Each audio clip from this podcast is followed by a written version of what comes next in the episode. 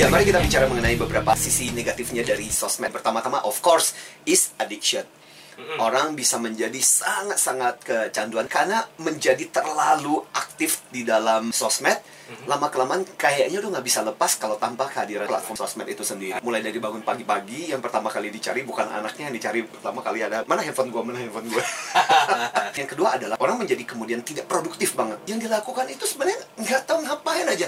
Cuman scroll ke atas, kemudian scroll ke bawah, terus ganti yang lain, scroll lagi ke atas, terus ke bawah. Dan sekarang ini apalagi kalau kita bicara mengenai sosmed itu kan pintar banget. Misalnya contoh YouTube, kamu melihat video jenis apa, kemudian mereka membaca kebiasaanmu. Dari kebiasaanmu, kemudian dia mengkategorikan. Oke, berarti tipe yang senang tentang politik, tipe senang tentang military, tipe senang kuliner.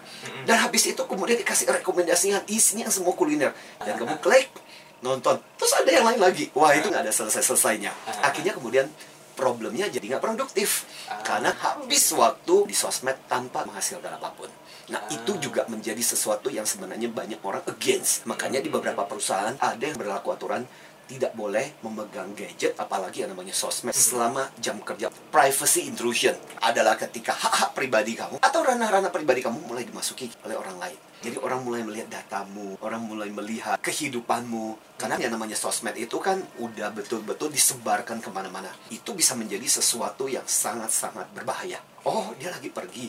Isi rumahnya misalnya kan cuma empat orang. Berarti rumahnya kosong dong. Dan kemudian itu bisa menjadi sumber-sumber kejahatan. Saya masih ingat ada yang menelpon dan tahu tentang siapa nama istri, siapa nama anak, anak sekolah di mana itu memang kriminal sih. Berusaha untuk mengambil uang dengan cerita bahwa lagi di rumah sakit karena ada kecelakaan jadi butuh untuk ditransfer segera. Seperti biasa lah ya penipuan. Saya pikir itu juga salah satu ada hubungannya dengan sosmed. Makanya salah satu hal yang harus banget banget kita perhatikan adalah ada beberapa informasi yang kita mesti agak cerdik-cerdik waktu ketika kita share. Makanya untuk beberapa hal misalnya kalau saya pergi keluar biasanya update-nya itu let post. Saya udah ke sana pulang baru kemudian di-sharekan kalaupun live boleh kamu make sure bahwa di rumah itu tetap masih aman. Beberapa yang mesti kita waspadai. Paling nggak sebenarnya ada tiga hal. Pertama-tama adalah sosial isolasi. Kita menjadi semakin autis sebenarnya. Seolah-olah itu sosial media, tapi yang terjadi adalah ketika kita memegang gadget kita ini, kita kemudian terisolasi sebenarnya. Karena orang sibuk fokus dengan alat gadgetnya sendiri daripada betul-betul melakukan interaksi yang sesungguhnya. Ini ada contoh satu kejadian yang menarik. Jadi waktu itu lagi reunian, orang lagi cerita-cerita, lagi seru-serunya, dan dua sebelah dari saya itu